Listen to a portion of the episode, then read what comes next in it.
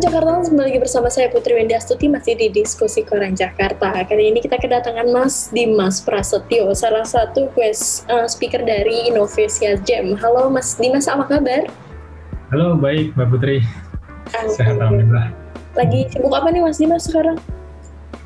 Ah, lagi menulis laporan. Hmm. Oke. Okay.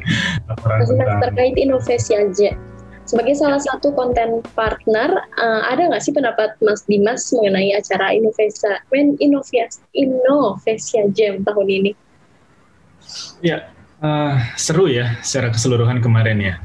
Jadi uh, pada umum, uh, secara umum sih uh, gas terus lah ya buat teman-teman Innovasia mm dan tentunya bakal seru dan insightful juga ya uh, kalau misalnya kita bisa expand uh, audiensnya terutama buat mereka-mereka yang di barangkali di non komersial gitu ya seperti yeah. misalnya di public sektor ya in particular karena kan uh, pendekatan human centered design itu kan sangat awam ya di cukup awam lah di terutama di private sector tapi di, di teman-teman di public sector kan masih belum sebanyak di private sector lah seperti itu.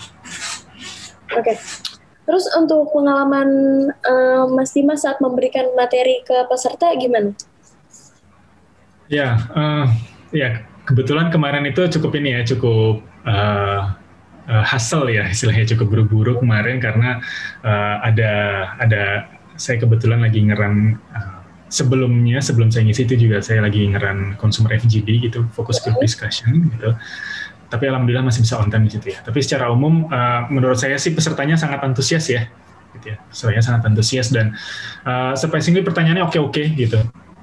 Pertanyaan oke oke dan uh, uh, cukup praktikal ya kelihatan kalau mereka itu dekat dengan konteks yang uh, saya sampaikan kemarin tentang customer behavior dan behavioral economics kemarin. Oke, okay. menurut Mas Dimas nih acara Indonesia Jam ini baiknya direkomendasi, direkomendasikan untuk seseorang yang berlatar belakang seperti apa sih? Oke, okay, um, tentunya semua kalangan ya, semua kalangan uh, karena siapa pun yang dealing sama manusia dan perilaku manusia dan ingin solving uh, people problem, event ini tentu akan sangat bermanfaat ya dari segi cara pandang dan berpikir dan nggak harus melulu dalam konteks purchase atau consuming behavior gitu ya, atau dalam konteks ini kemarin kan UMKM. Mereka-mereka yang uh, dalam kesehariannya misalnya dituntut untuk melakukan inovasi, tentu event ini sangat relevan gitu. Kemarin dapat cerita juga dari teman-teman IBEF gitu ya, yang juga jadi observer, itu juga bilang kalau materi human centered design-nya juga cukup komprehensif ya kemarin. Oke, okay. lalu uh, bagaimana keterkaitan antara materi yang Mas jelaskan sama metode human center design yang diajarkan di Innovasia Gym? Ini agak, agak panjang nih ya. Gak apa-apa. ya, jadi, ya, jadi uh, saya melihat ini kombinasi yang unik ya dan saling melengkapi. Uh, satu sisi uh, behavioral economics itu berbicara di tataran konsep dan teoritis ya tentang bagaimana asas kebermanfaatan kalau kita uh, dalam konsep ekonomi ya itu ada namanya utility ya, ya atau utilitas itu bisa dipersepsi berbeda oleh tiap individu.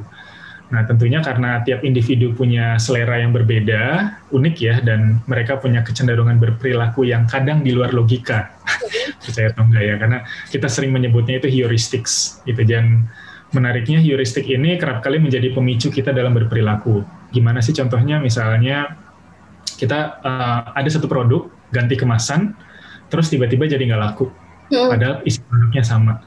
Iya. Atau misalnya kita uh, lagi jalan di depan toko roti, terus tiba-tiba uh, pengen beli roti gara-gara nyimongi aroma rotinya. Hmm. Padahal kita nggak pikiran sama sekali pengen beli roti sebelumnya. Nah, hal-hal seperti itu kan sebenarnya kan yang kemudian membuat kita berperilaku dan itu nggak kita uh, nggak kita rencanakan sebelumnya. Itu heuristics di sana. Nah, dalam mendesain sebuah produk, tentu heuristics tadi ini menjadi dasar ya dan catatan penting ketika mengembangkan solusi uh, menggunakan pendekatan human centered design tadi. Karena sekali lagi dua-duanya menekankan pentingnya ya, pentingnya memahami user behavior dan nggak cuma user problem.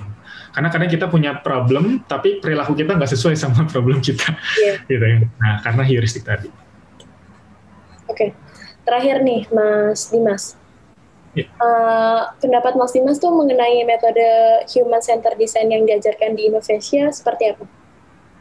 Ya, Uh, saya jujur nggak join sampai uh, secara full di event ini, tapi uh, kalau kemarin cerita-cerita dari teman-teman uh, IBEF juga Indonesia Behavioral Economics Forum ya di uh, tempat kita sama-sama uh, berforum dan ngumpul, hmm? um, kita uh, mendapatkan ini sih mendapatkan uh, beberapa opini bahwa secara umum seru ya eventnya dan uh, secara konten pun cukup mendalam. Hmm. Ada, ada juga yang cerita pas presentasi di akhir gitu ya, karena kan di akhir kan ada presentasi peserta yeah. tentang hmm. desain mereka ini. Itu mereka ada peserta yang bisa menjelaskan konsep uh, human centered design uh, secara baik gitu ya, dan menggunakan insight hasil research yang uh, digunakan untuk innovate solusi yang mereka develop. Mungkin yang kurang uh, tahap testingnya ya, tapi kan agak sulit juga ya kalau misalnya kita mau testing tapi dalam waktu cuma dikasih waktu dua hari. Gitu. Oke, okay. Mas Dimas terima kasih banyak sudah ber, mau berpartisipasi buat ngobrol-ngobrol bareng um, sama Koran yeah. Jakarta tentang inovasi AJM ini. Oke okay, Jakarta, itu, itu dia wawancara kami dengan uh, Mas Dimas Prasetyo, salah satu pengisi materi di acara Inovasi AJM. Nantikan podcast diskusi selanjutnya dengan narasumber yang akan memberikan Anda insight yang berbeda. Saya Putri Windastuti, pamit undur diri.